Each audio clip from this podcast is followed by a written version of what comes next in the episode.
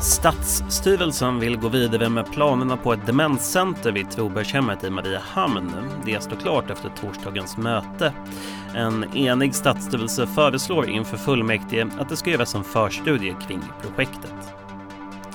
Ålands sjöräddningssällskap har rätt till hälften av bärgarlönen på 370 000 euro för det arbetet man utförde då Viking Lines fartyg Amorella gick på grund vid Julgrund utanför Föglö i december 2013. Det framgår av ett avgörande i Helsingfors hovrätt.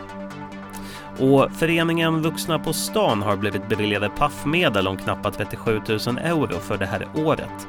Men stödet är delvis villkorat efter beslut av social och hälsovårdsminister Anette Holmberg Jansson. Stödet betalas ut i två rater på drygt 18 300 euro per gång. Den första raten betalas ut omgående och den andra raten betalas den 15 augusti under förutsättning att föreningen lämnar in en redogörelse om hur de åtgärdat de påpekanden som verksamhetsgranskaren meddelat i en promemoria i maj 2022.